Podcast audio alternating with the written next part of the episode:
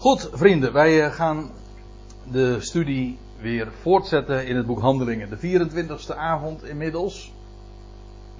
Over het boek Handelingen. En zoals te doen gebruikelijk blikken we nog even terug om weer eventjes onze geheugens op te frissen. Met datgene wat we de vorige keer dan met name hebben gezien. Laten we eventjes nog de situatie in ogenschouw nemen waar we het over hadden. Paulus was rond Pinksteren, het Joodse wekenfeest dus. En dan praten we over ongeveer, of ik denk zelfs precies, het jaar 57 van onze jaartelling. In Jeruzalem gearriveerd. En hij wist, want dat was hem namelijk al vele malen inmiddels uh, onderweg duidelijk geworden dat hij daar ook gevangen genomen zou worden. Dus hij liep in die zin met open ogen de val in. En hoewel, hij er uh, vele malen ook voor uh, ernstig is gewaarschuwd. En om niet naar Jeruzalem om die reden te gaan.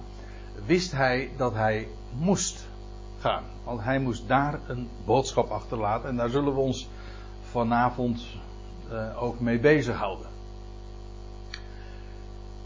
Afijn, hij heeft dan, zo lezen we dat, ergens halverwege het 21ste hoofdstuk een ontmoeting met Jacobus, de, de man daar in Jeruzalem. Dat was de broeder des Heren, zo noemt Paulus hem in Galaten 1. Dat wil zeggen een halfbroer van Jezus.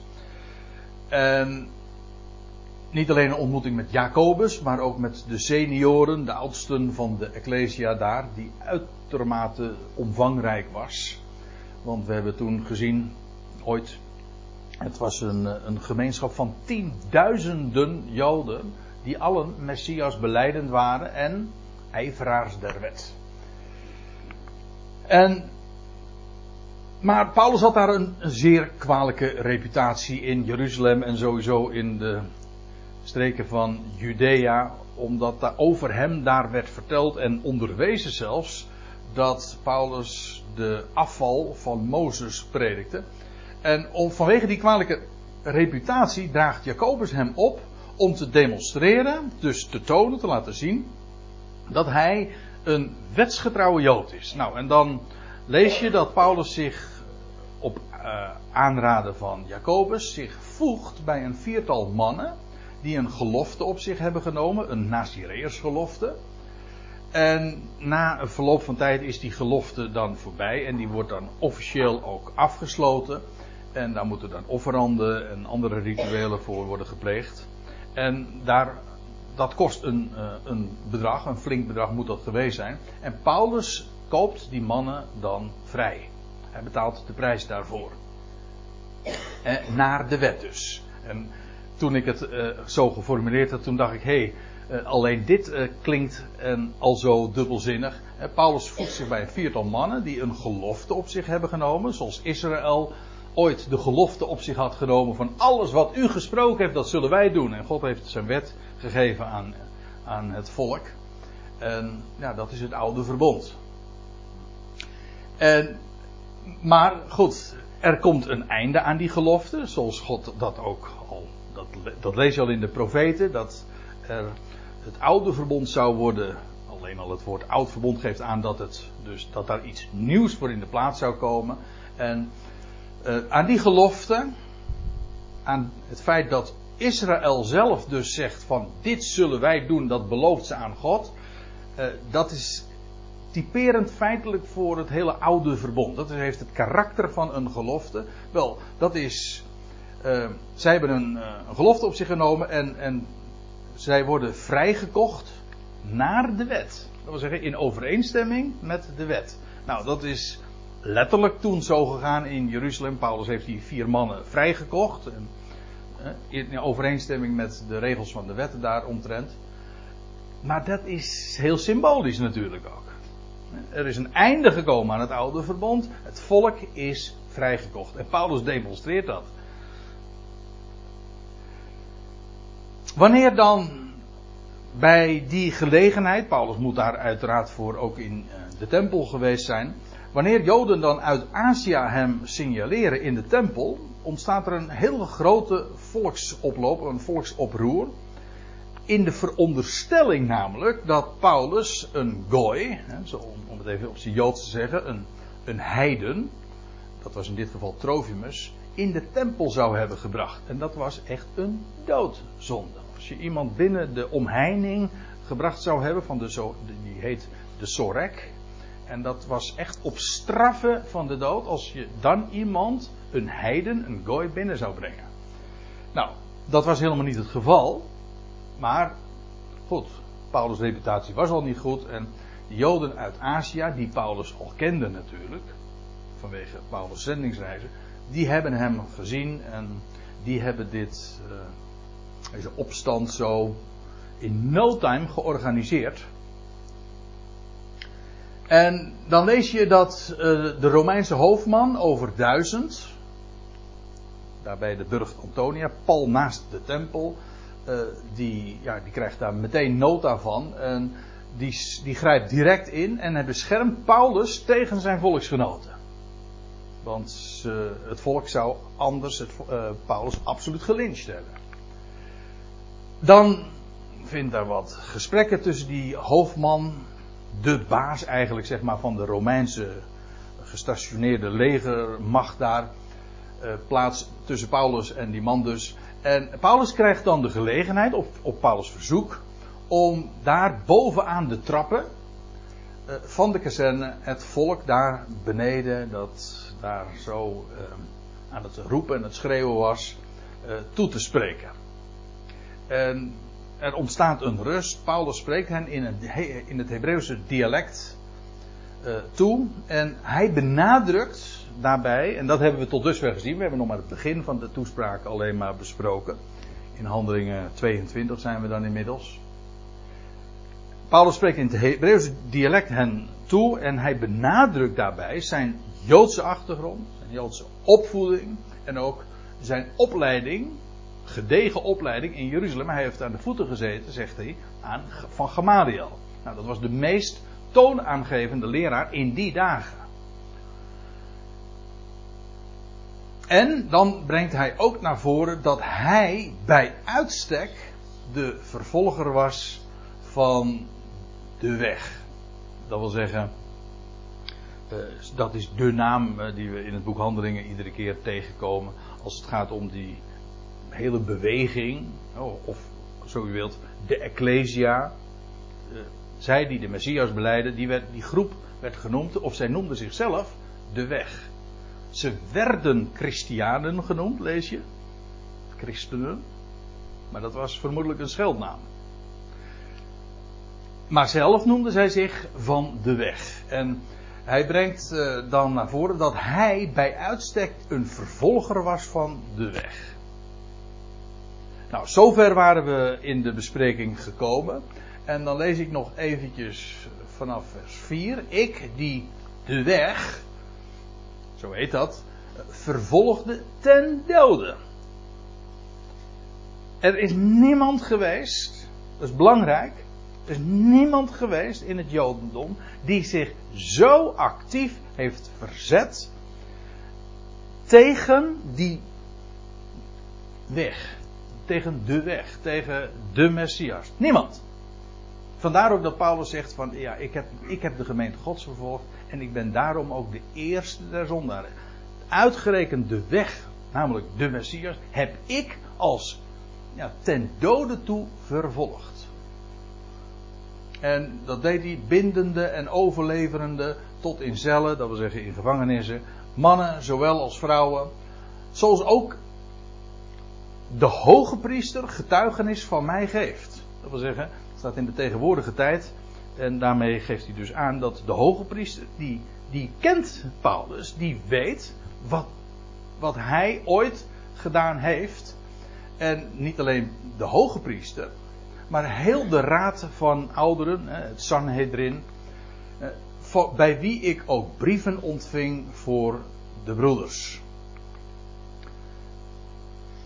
En kijk, als Paulus dit zo naar voren brengt, dan moet je goed je voorstellen. Paulus zegt dit, zo noemt hij dat ook in vers 1. Hij zegt: Dit ga ik tot mijn verdediging uitspreken. Dus alles wat hij in dit betoog, zoals Lucas dat optekent, vertelt, dat is een verdediging. Ja, een verdediging van wat? Nou, gewoon van zijn positie, van dat waar hij op aangevallen werd. En nu is het dus van belang om dat Paulus juist nu nou ook naar voren brengt. Hij benadrukt zijn Joodse achtergrond, maar ook niemand die zo overtuigend voor zijn publiek. Hè, dat is zijn publiek, dat, dat nu wel heel duidelijk ook zich uh, etaleert als wetsgetrouw. En ook haters van de weg. Nou, Paulus zegt, of laat ik het anders zeggen. Wie zou zo overtuigend uh, een verhaal kunnen houden als juist Paulus? Voor dit gezelschap dat zich nu zo profileerde als wetsgetrouw en als haters van de weg. Paulus was zelf een exponent als geen ander van dat hele publiek. Nou, ik stel me zo voor, er hebben honderden, misschien wel duizenden mensen daar op dat terrein gestaan en hem aangehoord. Niemand van dat gezelschap, hoe fanatiek ook, was zo, zo fanatiek en zo prominent een hater van de weg als Paulus ooit zelf. Dus er moet toch echt wat gebeurd zijn. Dus hoe, uh, het, louter feit dat Paulus daaruit gerekend staat, hier in Jeruzalem, dat is toch wel heel veelzeggend. Wat, moet er, wat is er dan toch met die Paulus gebeurd? We hebben de vorige keer trouwens ook gezien, dat als hier gesproken wordt over die brieven, het was maar dus niet zo dat Paulus de opdracht kreeg van, hoge van de hoge priester of van het Sanhedrin om, om uh, naar synagoge te gaan en zelfs naar het buitenland. Nee, het is omgekeerd. Paulus, of Saulus, heeft zelf initiatief genomen en is naar de hoge priester en is naar het Sanhedrin gegaan en heeft van hen de volmacht gekregen, op aanvraag dus van Paulus zelf, om synagogen langs te gaan en zelfs naar het buitenland. En mag aannemen dat Damascus de eerste stad was, een stad een, waar heel een grote Joodse gemeenschap ook was, waar, waar meerdere synagogen ook waren.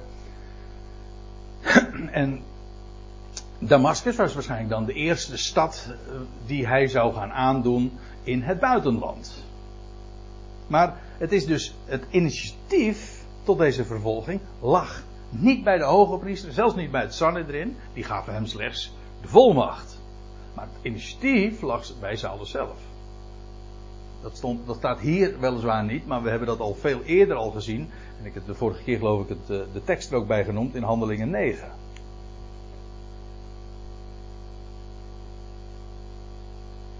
Dus ja, dat is toch wel heel veelzeggend. Eerst was het uh, die, een, een, man als Petrus, die daar in Jeruzalem aan publiek daar ook bij de tempel gesproken heeft tot zijn volksgenoten. Nou, we lezen toespraken van, van, van Stefanus in Handelingen 7. We komen daar straks nog op terug. Maar nu staat hier Paulus. Nou, als één overtuigend, ik bedoel voor het Joodse volk overtuigende man moet uh, zijn geweest, dan was hij het wel. Ik bedoel, die, ja, die hen zo op, uh, op dit niveau kon aanspreken. Hij was één van hen. En niet zomaar. De eerste, de beste. Goed, nou, dit hebben we tot dusver dus gezien. En nu gaan we verder met lezen. En dan staat er, dit is de grote ommekeer. Vers 6. Maar het gebeurde mij toen ik ging en Damascus naderde.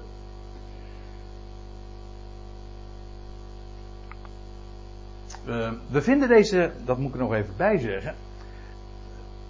Hier vers 6 en de navolgende versen. De roeping van Saulus. Daar, op de weg naar Damascus. Die geschiedenis wordt drie keer verhaald. Eerst in handelingen 9. Als Lucas gewoon de geschiedenis aan zich op schrift stelt. Nu in handelingen 22. Nu Paulus daarvan verslag doet. Terugblikkend op een gebeurtenis. Wat zal het geweest zijn? Nou, 20 jaar eerder, 21 jaar eerder. En later in handelingen 26, als Paulus dan voor koning Agrippa staat, op, dan spreekt Paulus weer opnieuw ja, zijn verhaal, of doet hij zijn verhaal en vertelt hij over hoe hij geroepen werd. Maar dat betekent dus in één boek wordt drie keer de geschiedenis verteld van Paulus' roeping.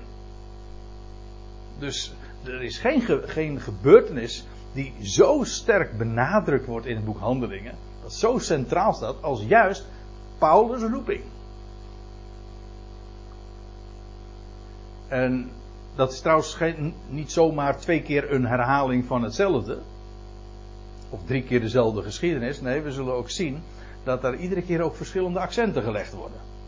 Als Lucas het verhaal verdoet in Handelingen 9, dan, ga, dan worden er andere accenten gelegd dan nu in Handelingen 22, omdat, Paulus, omdat het nu echt het karakter heeft van een verdedigingstoespraak. Dus alles wat verteld wordt, dat moet je ook in dat licht zien. Voor, met dat oogmerk merkt Paulus dat allemaal op. Ja, en dan. Ik, ik, lees hier dus over dat hij in Damascus naderde. En in Handelingen 26 lees je dan, vers 12 dat hij naar Damascus reisde, en daar staat erbij, met autoriteit en volmacht van de oude overpriesters. Met volmacht, dat betekent dus, hij had uh, de autoriteit, uh, de, ja, ja de, toestemming inderdaad gekregen. Ge, hij was geautoriseerd door de oude overpriesters. Maar op, op zijn initiatief. Dus. Het gebeurde mij toen ik ging en Damascus naderde uh, rond het uh, middaguur.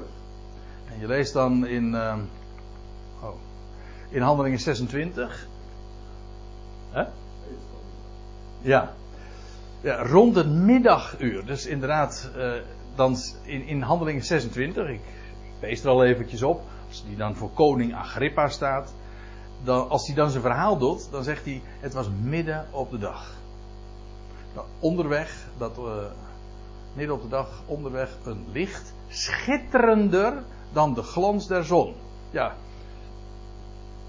als u mij vraagt, is dat juist ook de reden waarom het juist rond het middaguur was. Dan kun je echt een vergelijking maken. Op het heetst van de dag, als de zon op zijn hoofd staat, als, als het licht van de zon uh, op zijn felst schijnt, wel toen, op dat moment, rond het middaguur.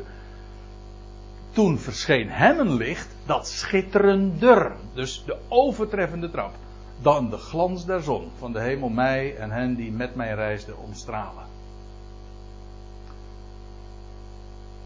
Dus ja, om daarmee ook te benadrukken hoe overtreffend, schitterender, dus dat is een overtreffende trap, schitterend, schitterender.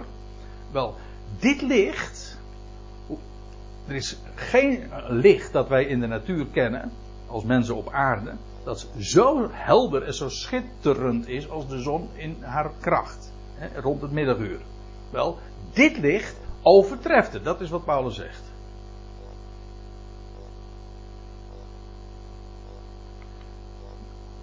Rond het middaguur, dat plotseling vanuit de hemel een fel licht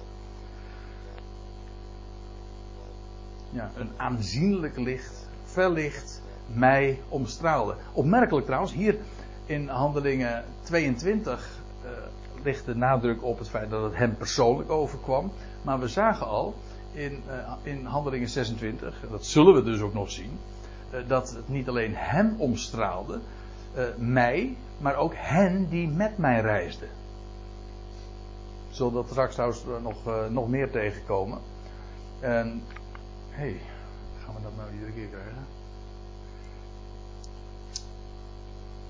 krijgen? Bovendien staat er dan in vers 7: viel ik naar de grond en ik hoorde een stem zeggende tot mij. Dus het is hier. Licht plotseling omstraalt hem. Zo fel, zo schitterend. En dan valt hij op de grond en ik, hij hoorde een stem zeggen tot hem: Saul, Saul, waarom vervolg je mij?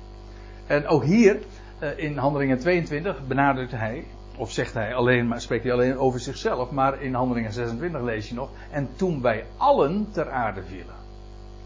Dus het, omscheen, het, dat licht, dat oms, uh, omstraalde Paulus, maar ook degenen die met hen waren, en zij vielen ook ter aarde.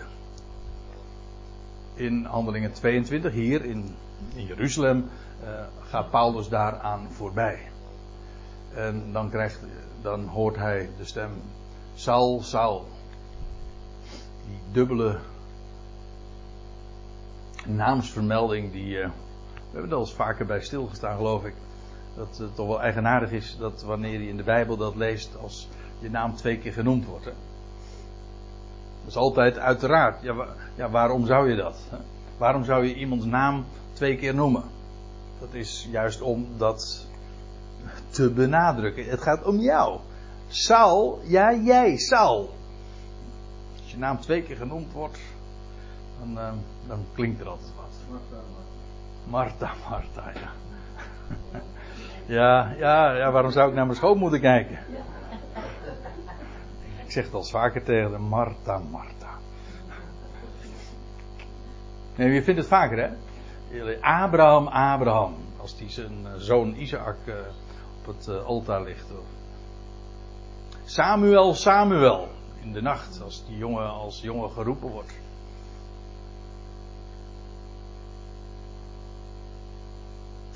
Nog meer hoor.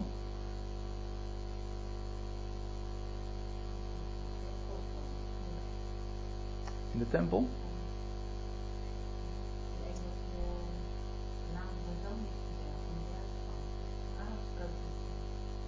Je bedoelt Zacharia?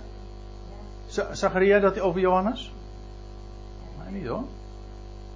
Nou ja, uh, er zijn een heel, er zijn een heel aantal voorbeelden toch wel in de Bijbel uh, te noemen. We noemen er zo voor de vuist weg een paar. Maar er zijn er nog meer. Saul, Saul. Waarbij trouwens in dit geval het ook natuurlijk eh, nog eens heel duidelijk is dat we hier te maken hebben met een man uit de stam van Benjamin, die dezelfde naam droeg als ooit zijn nou, voorvader, of in ieder geval zijn stamgenoot, koning Saul. En wat deed koning Saul? Die vervolgde David. En we nou, komen, nou hebben we opnieuw te maken met een Saul. En wat doet hij? Hij vervolgt de zoon van David. Dus de geschiedenis herhaalt zich. Saul, Saul, waarom vervolg je mij? En er zit nog iets in, om, en dat is dat je hier in de kim al de waarheid vindt verborgen van het onderwijs aangaande de eenheid van hoofd en lichaam. Wat bedoel ik daarmee? Wel, de Heer Jezus zegt: Waarom vervolg je mij? Maar Paulus zegt zelf: eh, ik, vervol, ik was een vervolger van de gemeente Gods. Maar die gemeente Gods blijkt dus. Ja, de Heer zelf te zijn. De Heer identificeert zich met die Ecclesia. Maar dat is nou precies het onderwijs wat hem later gegeven zou worden en wat hij in zijn brieven naar voren brengt. Het is hoofd en lichaam. Dit is één. Hoofd en lichaam en dat draagt dezelfde naam. De Christus. Dus eh, als, als de eerste, de beste stem die hij dan te horen krijgt vanuit de hemel, daarin zit in de kiem al precies de waarheid die juist aan Paulus geopenbaard zou worden.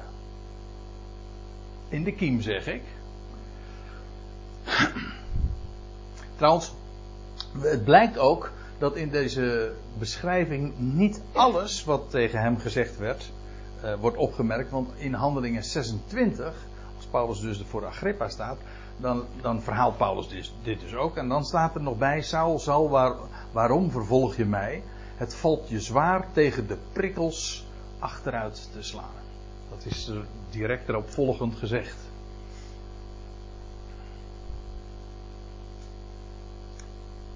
En dan lees je over Paulus' reactie. Ik echter antwoordde: Wie bent u, Heer? Dat, dat hij meteen aanspreekt tot als, als Heer, geeft wel aan dat hij ook meteen wel in, in, inziet. Ja, dit is iemand die met autoriteit uh, over mij, tot mij spreekt en ook over mij spreekt. En hij, zei, en hij zei tot mij: Ik ben Jezus, de Nazarener, die jij vervolgt. Jezus, de Nazarener. is een uitspraak of een, een aanduiding die we een aantal keren in het boek Handelingen tegenkomen. En ik heb hier een citaat uit Handelingen 4, vers 10. Daar lees je over Jezus Christus, de Nazarener. Oftewel, de man uit Nazareth. Die jullie kruisigde, maar die God heeft opgewekt uit de doden. Daar zit in uh, ook een, een verachting natuurlijk. De Nazarener. Zoals je dat ook in het boek uh, in Johannes Evangelie al vindt, dat Nathanael, nee niet Nathanael, Filippus zegt van kan uit Nazareth iets goeds komen. Dan trouwens te bedenken dat Nazareth wel degelijk ook een profetische, dat daar profetische linken mee gelegd kunnen worden. Was dat de vorige keer dat we dat hier besproken hebben, of was dat, was dat elders? Heb ik het toen over Nazareth en de Nazarener gehad? Ja, dat Niet. Ja? Oké. Okay. Hm, ik heb het volgens mij nog recenter uh, erover gehad. Ja, dat zal dan een, een, studie elders geweest zijn. Omdat in Nazareth een, een, een, nederzetting geweest moet zijn van nakomelingen van van David. Maar goed, dat is een verhaal apart. Dus dat laat ik hier maar eventjes voor wat het is. Ik bedoel, hij, krijgt een stem vanuit de hemel te horen. Bovendien de, ja, dat, dat enorm felle en overtreffende licht omstraalt hem. En dan het eerste wat hij hoort is um, ja, van Saul, Saul, wat vervolg je mij? En dan vervolgens, uh, na de reactie van wie bent u heer? Ik ben Jezus de Nazarener, die jij vervolgt. Staat er in vers 9: Zij echter, die met mij waren, sloegen wel. Oh, dat staat hier dubbel. Dat is een foutje. Wel, wel. Nee, het is gewoon die wel. Ze slagen wel uh, licht gade. Maar de stem van degene die tot mij sprak, hoorden zij niet. Om dit vers is nogal wat te doen. Ja, ja. Omdat dit, omdat dit een, uh, het, of een standaard voorbeeld is uh, in het boek Handelingen uh, van hoe tegenstrijdig Lucas zelf in zijn verslag zou zijn. Dat is dan de beschuldiging. En dat, dat argument zit, dat is op zich vrij voor de hand liggend. Hoe men dat dan naar voren brengt. Um, eerst nog even dit. Voor, voordat ik erop terugkom, eerst nog even dit. Ze sloegen wel het licht. Dat betekent trouwens, die met hem waren, hebben dus, maar daar hadden we het zojuist al even over, hen omstraalde ook het licht. En dat hebben zij gezien en zij vielen daarom ook ter aarde. Dus Paulus was niet, of Saulus zo u wilt, was niet de enige die dit ervoer en meemaakte. Nee, er waren anderen die dus net zo goed dat hebben gezien. Dat is wat hier staat. Ze sloegen wel het licht gade. En dat geeft dus ook aan dat er van deze gebeurtenis, de roeping van Saulus op de weg naar Damascus, was niet alleen maar, was maar niet een individuele ervaring. Misschien, dus als we nou dan toch over bijbelkritiek hebben, men zegt wel eens, ik heb er ooit eens een keertje zelfs een heel boekwerkje over gelezen, waarbij men, waarin betoogd werd dat Saulus een, een uh, epileptische aanval gehad zou hebben. Waarbij, die, uh, waarbij je dan ook uh, verschijnselen van licht zou zien. Maar alleen dat, alleen deze mededeling weerspreekt het al. Ik bedoel, het was namelijk maar niet een, een, een aanval van licht dat hij alleen maar heeft waargenomen. Nee, het was iets waar, wat zijn medereizigers net zo goed meemaakten. En ook die vielen, die vielen van hun paard of vielen in ieder geval op de grond. Die werden niet blind. Dat, ja. Ja. En ja, maar je leest wel, de Heer, eh, Paulus heeft de Heer gezien. En ik, ik kom er nog even op terug, maar is nog dit. Dus, want er staat bij, ze, zagen, ze sloegen wel lichtgade, maar de stem, of stem van degene die tot mij sprak, hoorden zij niet. Kijk, en nu komen we op een, een, een schijnbare tegenstrijdigheid met wat we eerder lazen, namelijk in Handelingen 9 lezen we, als Lucas dus dit voor het eerst optekent, en de mannen die met hem reisden, Lucas tekent dit op, dus over Paulus, in Handelingen 22 is het in de ik, in de eerste persoon. Paulus spreekt over zichzelf, maar hier is het Lucas die over Paulus spreekt. De mannen die met hem reisden, die stonden sprakeloos. Daar zij wel van de stem hoorden, maar niemand zagen. Ik heb hier expres al van, want het staat namelijk in de vierde naam, eh, pardon, in de tweede naamval. In de, dat heet de genitief. Er staat niet dat zij wel de, stem hoorden, maar eigenlijk van de stem hoorden. In het Nederlands zouden we zeggen, ze hoorden geluid. Dit woordje trouwens wat hier gebruikt wordt, dat is ook gewoon uh, dat heeft te maken met stem of gewoon geluid. Denk aan het woord grammofoon. Hè? Dat foon dat heeft te maken met geluid. Trouwens, er zijn wel meer Nederlandse woorden uh, met foon, toch? Hè? Telefoon, microfoon, ja, dat allemaal, heeft allemaal te maken fonetisch. Het heeft allemaal te maken met geluid. Ze hoorden van het geluid, maar ze zagen niemand. Kijk, men zegt wel van ja, er zijn twee tegenstrijdigheden, want in Handelingen 22 staat dat ze eh, wel licht zagen. En, en, en in Handelingen 9 staat dat ze niemand zagen. Maar dat is natuurlijk helemaal geen tegenstrijdigheid. Sowieso niet. Want ja, uh, Paulus heeft de Heer zelf ook gezien. En Paulus was ook als enige, net wat uh, Aad zojuist al opmerkte, werd blind. Dus die heeft de verschijning gezien. Oké, het, heeft hem een paar dagen blind gemaakt. Zo fel als het was. Maar hij heeft erin gekeken, hij heeft hem gezien. Zij zagen niemand, ze hebben alleen licht gezien en ze werden omstraald en ze, ze waren sprakeloos en ze vielen op de grond. Maar ze hebben niemand gezien. En staat erbij. Uh, ze hoorden wel van de stem, dat wil zeggen, ze hebben geluid gehoord.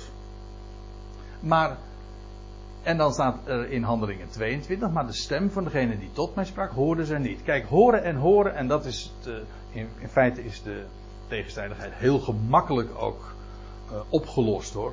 Want ja, horen en horen is twee. Je kunt een stem horen. Ik hoor heel vaak uh, mensen praten. Ik, ik geef les aan Polen. En dan hoor je de hele tijd een stem praten. Dan hoor ik wel het geluid. Maar ik versta het niet. Ik hoor het niet echt, wat zij zeggen. Ze kunnen me van alles en nog wat uitmaken, maar ik hoor het niet. Dus je kunt iets horen. Ik, ik hoor wel het geluid wat ze produceren, maar je verstaat het niet. En er komt trouwens nog iets bij. Je leest dat Paulus aangesproken werd in het Hebreeuws. In het Hebreeuws dialect. En dan is het zomaar eh, mogelijk, ik, we weten verder niks van die medereizigers, maar dat zij dat niet begrepen hebben, of dat zij dat, die taal niet machtig waren. Zodat zij wel weliswaar geluid hoorden, of misschien zelfs wel iemand hoorden spreken, maar niet wat er gezegd werd. Of ze hoorden alleen maar geluid, whatever. Maar in ieder geval, ze hebben het niet verstaan. En dat is. Dus ze hoorden geluid. En ze zagen licht. Maar ze zagen niemand en ze verstonden het ook niet. Dat is eigenlijk de gedachte. Dus er is helemaal geen sprake van een tegenstrijdigheid. Maar ze waren dus wel in die zin ook echt ooggetuigen van, die, van, de, van dat wonderbare verschijnsel. Want ze hoorden en ze zagen. Dat wel.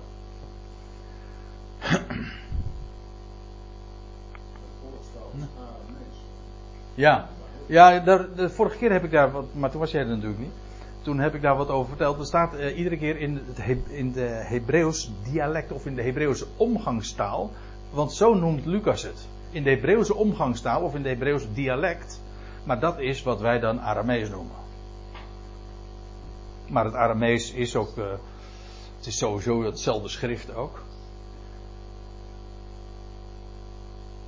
En erg daaraan verwant. Vandaar ook een dialect. En dan vervolgens Paulus' reactie. Ik echter zei: Wat zal ik doen, Heer?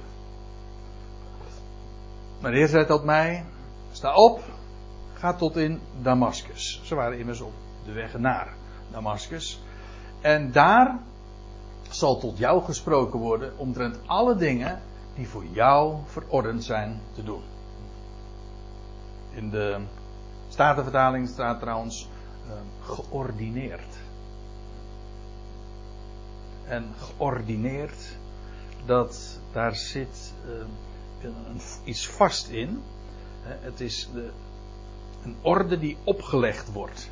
Het, het, het spreekt van, van het plan dat God had al van oudsher met Paulus.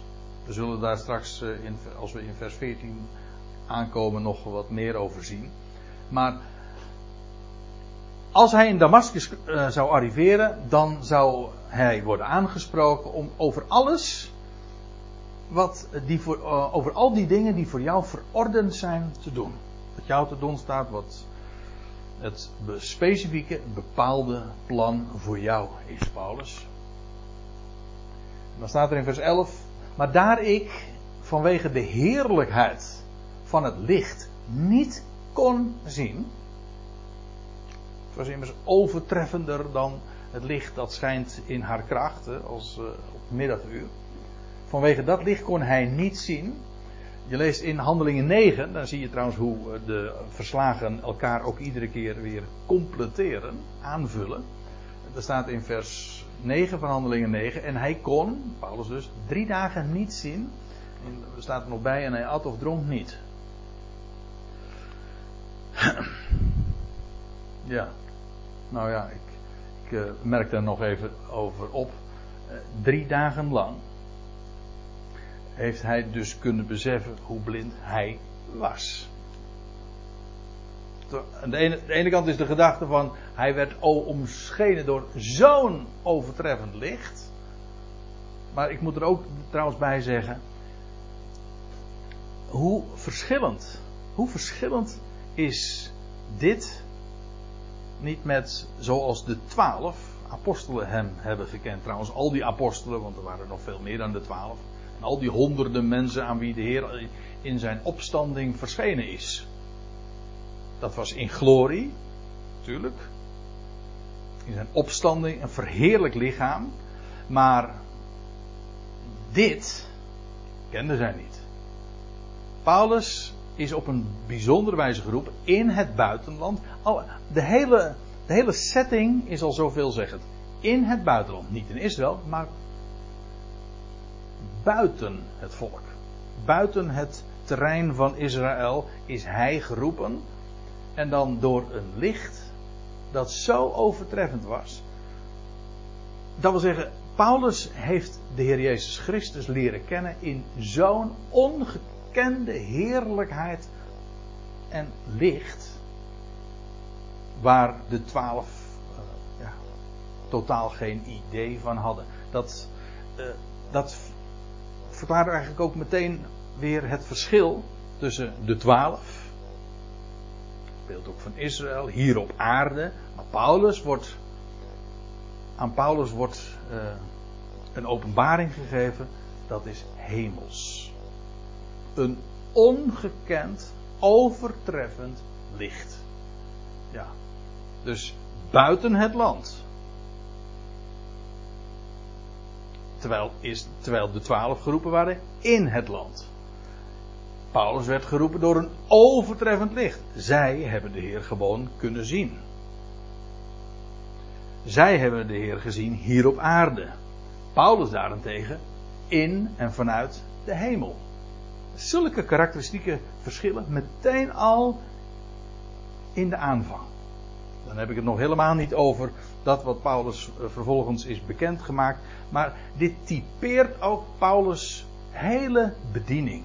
En wie zijn, ja, als je zijn brieven kent, dan, ja, dan word je daar eigenlijk iedere keer weer bij bepaald. Hoe, met die verschillen met de twaalf. Natuurlijk, het is dezelfde Heer. Maar een heel andere invalshoek, een heel andere, ook een heel ander stadium. Ik bedoel, Paulus wordt geroepen hè, na de steniging van Stefanus, nadat het volk van Jeruzalem officieel afstand neemt van het hele getuigenis aangaande de Messias. Dan pas komt Saulus in de picture. En dan, ja, op deze wijze. Het is, het is in die zin ook echt het vervolg op.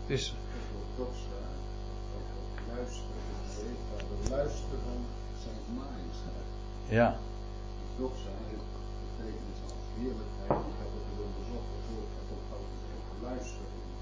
Ja. Als een koning of een koningin zich presenteert in al haar Ja. macht en majesteit. Zo heeft de Jezus zich aan. Ja, in heerlijkheid. Doxa. Trouwens, dit woord doxa, dat eh, heerlijkheid, dat eh, wordt ook heel vaak eh, synoniem gebruikt voor licht. Je leest bijvoorbeeld in 1 Korinthe 15 dat Paulus spreekt over de heerlijkheid van de zon is anders dan de heerlijkheid van, dan van de maan en sterren. Nou ja, wat is de heerlijkheid van de zon? Dat is licht. En in 2 Korinthe 3 spreekt Paulus over de heerlijkheid op Mozes aangezicht toen hij van de berg afkwam. Dan, maar wat was de heerlijkheid van zijn gezicht? Dat was het licht. Dus dat zijn eh, feitelijk min of meer synonieme begrippen. De heerlijkheid van het licht. Dat is, die begrippen die zijn aan elkaar gelieerd, gekoppeld. Ja. Maar goed. Eh, Paulus was dus blind. Gedurende een aantal dagen. Daar ik vanwege de heerlijkheid van het licht niet kon zien, werd ik bij de hand geleid. Hij, hij de initiatiefnemer, moest nu bij de, als een kind bij de hand genomen worden. En door hen die met mij waren, kwam die in Damascus. En een zekere Ananias, echter. Nou, we hebben natuurlijk uh, al uh, in een veel eerder stadium, toen we het ook over deze geschiedenis hadden, over hem gehad. Ik weet niet of u zich dat nog herinnert. Het is alweer een hele tijd geleden. Dat zal ongeveer de derde avond geweest zijn, of tweede avond. En nu is de 34ste avond. Dus, hè? Dat is uh, alweer een heel tijdje geleden. Maar toen al, dat weet ik, nog, weet ik zelf nog. Toen heb ik erop gewezen dat Ananias. Ja, dit is de Griekse vorm. Dat is eigenlijk een Hebreeuwse naam. En dat komt van, dat is Ganania, een naam die we trouwens ook in het Hebreeuws tegenkomen. In, ik bedoel in de Hebreeuwse Bijbel. Of in Esra, trouwens ook. Ja, natuurlijk, Ganania. Ja, precies, in da Daniel. Maar Gan Ganania, dat uh, betekent Yahweh is genadig. Dus Saulus wordt geroepen in het buitenland. En de eerste naar wie hij toe moet. Nee, eigenlijk zegt uh, het is precies omgekeerd. Wie, de, uh, hij, Paulus gaat niet naar hem toe. Nee, Ganania komt naar hem toe. Als ik het zo zeg, is het helemaal mooi. Jaweh is genadig. Kwam naar, tot Saulus. Alleen die betekenis van de naam is al zoveelzeggend. Want Ganania is feitelijk ook ja, de samenvatting van wat Paulus zou gaan vertellen. Jaweh is genadig. Paulus noemt zijn naam hier ook weer. U moet zich realiseren, en ik herinner er iedere keer weer aan. Dit is een verdedigingstoespraak. Hij staat daar dus boven aan die trappen en dat, dat fanatieke Joodse wetsgetrouwe volk luistert. En dus merkt Paulus over die Ganania op. Hij was een toegewijd. Godvruchtig staat er in de MBG vertaan, maar betekent letterlijk een goede vereerder. Een, toegewijd overeenkomstig de wet. Dat wil zeggen de wet van Mozes. En ja, dat is voor Paulus publiek natuurlijk van groot belang. Want alleen dan kreeg je het kwaliteitskeurmerk zeg maar, van hen. Zekere Ganania, toegewijd overeenkomstig de wet, van wie al die Joden die daar woonden, in Damascus dus, getuigenis gegeven werd. Dus die man die had zo'n reputatie. Nou, die kwam naar mij toe. Ja, hier zie je het precies. Hè? Hij kwam naar mij toe. En staande bij mij zei hij tot mij: Saul, broeder, kijk weer. En ik, zei al, uh, Paulus was blind. En wanneer hij wordt hij ziende? Het was de derde dag. En ik, vind ik ook prachtig, want dat staat in Handelingen 9. Want ja, het was. Uh, dus daarmee is Paulus natuurlijk ook weer een prachtig type van hoe het uh, volk Israël dat ook zal vergaan. Na twee dagen, nou bedoel ik twee millennia, zal het op de derde dag opgericht en ze zal ook het licht ontvangen en zien. Het recht, geestelijk, de ogen gaan dan open. Hetzelfde uur keek ik weer naar hem. Staat er, ja, staat er heel duidelijk bij, hè? En zag hem. Maar er staat letterlijk van. Hetzelfde uur keek ik weer. Naar die dagen van blindheid. Naar hem. Tot in hem. Tot in wie? Nou, tot in Ganania. Jaweh is genadig. Daar gingen zijn ogen nu voor open. Het eerste wat hij. Ja, laat ik het anders zeggen. Hij was dagen blind. En het eerste wat, wat Saulus zag. Jaweh is genadig. Dat, dat is wat hier staat. Is toch prachtig? Nou, Ja, meteen hè, Saul broeder. Kijk weer.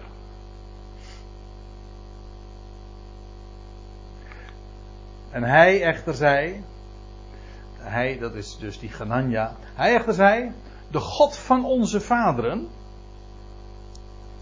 we kwamen die al eerder, deze uitdrukking al eerder tegen. Maar dat was in Handelingen 3. Dan lees je over de God van Abraham en Isaac en Jacob. Dat wil zeggen de God van onze vaderen. De vaderen, dat zijn dan in het Hebreeuwse denken toch in de eerste plaats.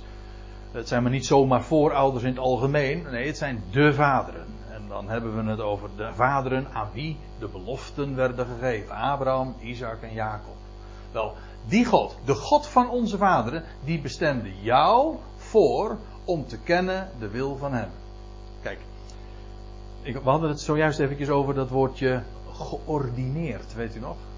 Er was, hij was verordend om iets te gaan vertellen. Nou, hier lees je, de God van onze vaderen, die bestemde jou voor om te kennen de wil van Hem. En nou ga ik naar nog een ander verslag van de roeping van Saulus. En dat is wat Paulus opgetekend heeft in de Galatenbrief. Galaten 1. En dan lees je dat Paulus schrijft. Maar toen het de God behaagde. De God. Namelijk de God van onze vader. Hè? Toen het de God behaagde die mij afzonderde vanuit de schoot van mijn moeder.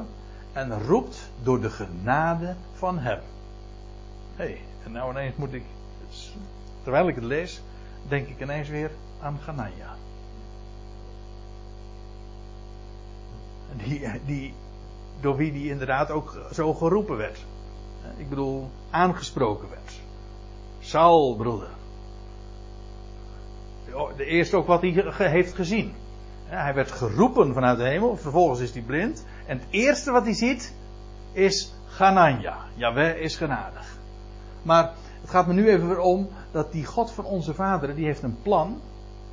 En een bestemmingsplan. En die bestemt voor, predestineert. Dat wil zeggen, hij bestemt tevoren. Hij bestemde jou voor. Hij is, al vanaf de moederschoot was die afgezonderd.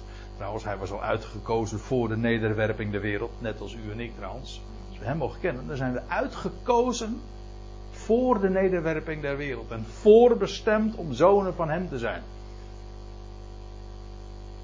Kijk, dat, vind ik, dat is toch geweldig. Dat, je, dat, de God die wij kennen, die heeft een, een geweldig, alomvattend plan. En daarin hebben mensen, zekere mensen zoals hier Paulus, een speciale taak. Bevoorrecht, maar het geeft ook, eh, brengt ook lijden met zich mee. Maar dat is altijd, God kiest uit. Dat is bij Paulus het geval, maar uiteindelijk altijd is dat een universeel principe. God kiest uit ten behoeve van de rest. Dus het is nooit uitkiezen eh, van eh, jij krijgt de zegen en de rest interesseert mij niet. Nee, het is altijd, je, er wordt een kanaal van zegen uitgekozen om de rest met die zegen te bereiken. Zoals Abraham, de God van onze vaderen. Abraham werd geroepen.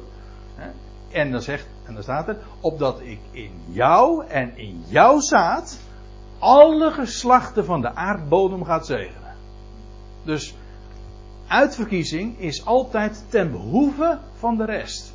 Kijk, en dat geeft zo'n enorm zicht ook op, de, op het feit dat God genadig is. En, en dat uitkiezen, dat is niet een, een demonstratie van, van zijn kieskeurigheid alsof de rest hem niet zou interesseren.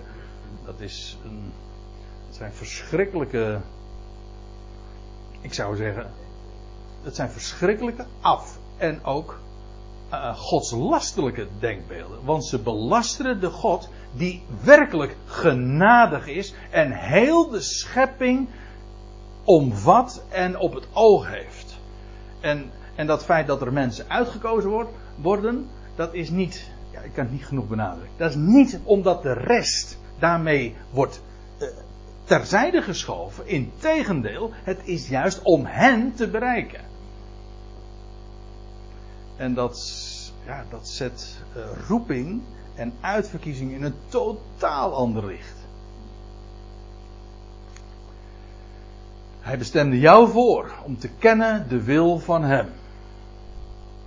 En waar te nemen, of in de NBG-vertaling staat te zien, en inderdaad, in dit verband moet dat zien zijn. Waarnemen is in feite breder dan alleen zien. Waarnemen kun je met elke zintuig. Je kunt, je kunt ook iets ruiken. Dat is ook waarnemen. Iets horen, je kunt iets zien, je kunt iets voelen, tasten. Dat is allemaal waarnemen. En dat woord wordt hier gebruikt. Maar in dit verband, eh, vanwege het contrast, uh, gaat het hier vooral om het waarnemen via het zien. Dus om waar te nemen, of eventueel dus in dit verband te zien, de rechtvaardige. En een stem vanuit zijn mond te horen. Dus aan de ene kant de rechtvaardige te zien en een stem vanuit zijn mond te horen. Waarbij de rechtvaardige, ja, de rechtvaardige. Niet zomaar een rechtvaardige, maar de rechtvaardige, dat is een aanduiding van de Messias. Nou, laat ik dat nog eventjes uh, tonen. Want eerder in het boek Handelingen vind je dat al. Daar lees je in dat Stef Stefanus zegt, in eh, hoofdstuk 7, vers 52. Dat is een van zijn laatste woorden trouwens. En dan zegt hij, dat, hoe strimmend zal dat het volk hebben geklonken. Dan staat er, wie van de profeten hebben uw vaderen niet vervolgd? Zelfs hebben zij hen gedood die geprofiteerd hebben van de komst van de rechtvaardigen. Van wie jullie nu verraders en moordenaars geworden zijn. Alsjeblieft. Maar het gaat mij vooral om dat vetgedrukte natuurlijk. De komst van de rechtvaardige die van wie geprofiteerd was. De rechtvaardige, dat is die ene.